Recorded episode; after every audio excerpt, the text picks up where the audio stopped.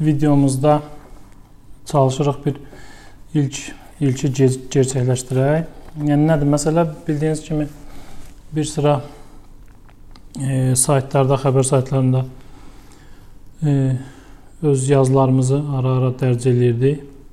E, bu gün isə çalışıram ki, həmin yazıların sizə bir video xülasəsini də təqdim edeyim. Çünki bəzi yoldaşlar bildirirlər ki, yazını oxumağa çox vaxt olmur. Amma e, video sujetlər, video materiallar belədir ki, bunları izləmək mümkündür. Sonradan istənilən vaxt YouTube-dan və yaxud da digər sosial şəbəkələrdən izləmək mümkündür. Odur ki, bu gün bir ilk olaraq sizə e, müflisləşmə və iflas iddiasının bəzi məqamlarını çalışacağam izah eləyim. Yəni bunu da soruşsaz ki, niyə izah eləyirsən? Çünki bilirsiniz biz şirkətlərlə çalışırıq, e, yerli şirkətlərlə, xarici şirkətlərlə. Bu borc problemləri, alacaq kreditor borclar məsələləri e, bütün şirkətlərimizi, iş adamlarımızı narahat edən məqamlardan biridir. Ona görə də müflisləşməni bu sahədə olan bir problemin bir həlli yolu kimi göstərmək istəyirik. E, bu yol ümumiyyətlə dünya təcrübəsində tətbiq olunan bir istiqamətdir, amma biz e, hələ buna yeni-yeni başlayırıq.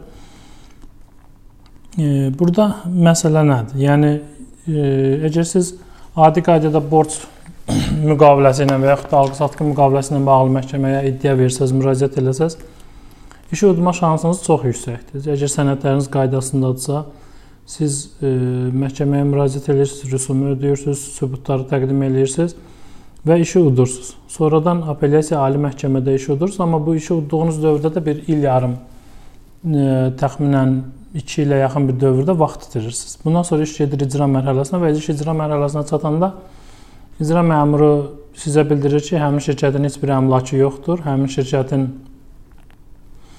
bank hesablarında vəsait yoxdur və direktor da böyük ehtimal ki, e, heç yerdə işləmir, heç bir gəliri də yoxdur. Təsisçi isə özünüz bilirsiniz ki, məsuliyyət daşımır şirkətin öhdəliklərinə görə. Amma müflisləşmə işlərində belə deyil.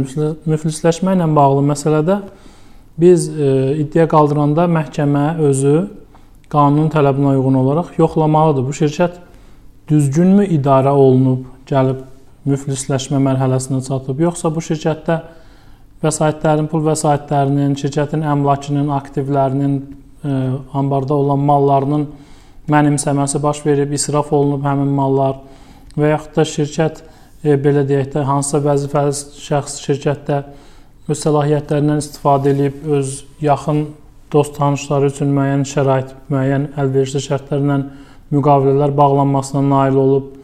Bunun ə, e, nəticəsində də şirkətin ə, e, aktivlərinə, əmlakına ciddi zərər dəyib. Yoxsa bu şirkət həqiqətən də düzgün qanunvericiliyin tələblərinə uyğun idarə olunub, amma biznes riskləri də ola bilər şirkət e, müəyyən riskləri öncədən görə bilməyib və yaxud da düzgün hesablamayıb və şirkət müflisləşib. Bu mərhələdə e, təcrübə onu göstərir ki, şirkətlərin idarə olunmasında, maliyyə hesabatlığında, aktivlərində, passivlərində ciddi problemlər aşkarlanır. Nədir məsələ? Adi birini qeyd edək. Hər biriniz dərhal bu məsələ hardasa xatırınıza gələcək, yadınıza düşəcək. Nədir? Biz gedirik şirkətin bank hesabına bir deyək ki 50 min, 100 min manat pul daxil olur. Müəyyən yollarla qanunvericilik deyək ki, bəzi şirkətlərdə, kiçik şirkətlərdə 15 min, böyük şirkətlərdə 30 min imkan verir ki, həmin pulu nağdlaşdıraq. Qalanlarını isə müxtəlif e, bunu belə deyək də müəyyən dairələrdə abnalitika dediyimiz pul vəsaitlərinin nağdlaşdırılmasına bağlı müqavilələr və s. bağlamaqla bu pul vəsaitləri nağdlaşdırılır. Sonra şirkətin kassasına daxil edilməli olduğu halda şirkətin kassasına mədaxil edilmədən direktorun, təsisçinin, onların ə, e, tanışlarının müəyyən şəxsi problemlərinin həllinə yönəldilir həmin vəsaitlər. Və şirkətin kassası bilərəkdən qəsdən boşaldılır. 1 il sonra, 2 il sonra siz ə, e, öz pulunuzu tələb edəndə baxırsınız ki, həqiqətən icra məmuru banka sorğu verir. Məlum olur ki, şirkətin bank hesabında 1 manat da olsun pul yoxdur. Amma siz həmin pul vəsaitlərinin hərəkətini izləsəz görərsiniz ki, həmin pul vəsaitləri şirkət mənafelələri üçün xərclənmir. həmin pul vəsaitləri qeyri-qanuni məqsədlər üçün xərclənir. Bu isə o deməkdir ki, burada direktorun, bəzi hallarda hətta təsisçinin cinayət məsuliyyəti yaranır. Çünki burada artıq digər şirkətlərin, digər hüquqi və fiziki şəxslərin mənafelərinə ciddi ziyan vurulur və bu bir çox hallarda da bu qəsdən e, bilərəkdən həyata keçirilir. Bəzənsə hətta əlbir olmuş bir qrup şəxs tərəfindən həyata keçirilir. Bu bütün bunlar aşkara çıxarılır müflisləşmə prosesinin gedişatında məhkəmə tərəfindən və təbii ki, sizin özünüzün və yaxud da cəlb etdiyiniz peşəkar hüquqşünasların köməyi ilə. Bu formada siz müflisləşmə zamanı bunu aşkar edirsiniz, sonra hüquq mühafizə orqanlarına ya məhkəmə vasitəsilə məhkəmənin də belə bir səlahiyyəti var aşkar etdiyi qanunsuzluqlarla bağlı, qanun pozuntuları ilə bağlı hüquq mühafizə orqanlarına, aidiyyət orqanlara müraciət etsin. Əgər məhkəmə eləmirsə, e, bunu özünüz müstəqil şəkildə əldə olunan faktları yönləndirirsiniz e, prokurorluq orqanlarına, korrupsiya qarşı mübarizə baş idarəsinə və digər hüquq mühafizə orqanlarına və aidiyyəti üzrə bu məsələlərin araşdırılması başlayır. Bundan sonra artıq siz həmin o istintaqı aparan, məsələnin araşdırılmasını həyata keçirən hüquq mühafizə orqanına köməklik göstərirsiniz əlinizdəki faktlarla, məlumatlarla və ondan sonra həmin şəxslərin barəsində cinayət işinin qaldırılmasına nail olursunuz.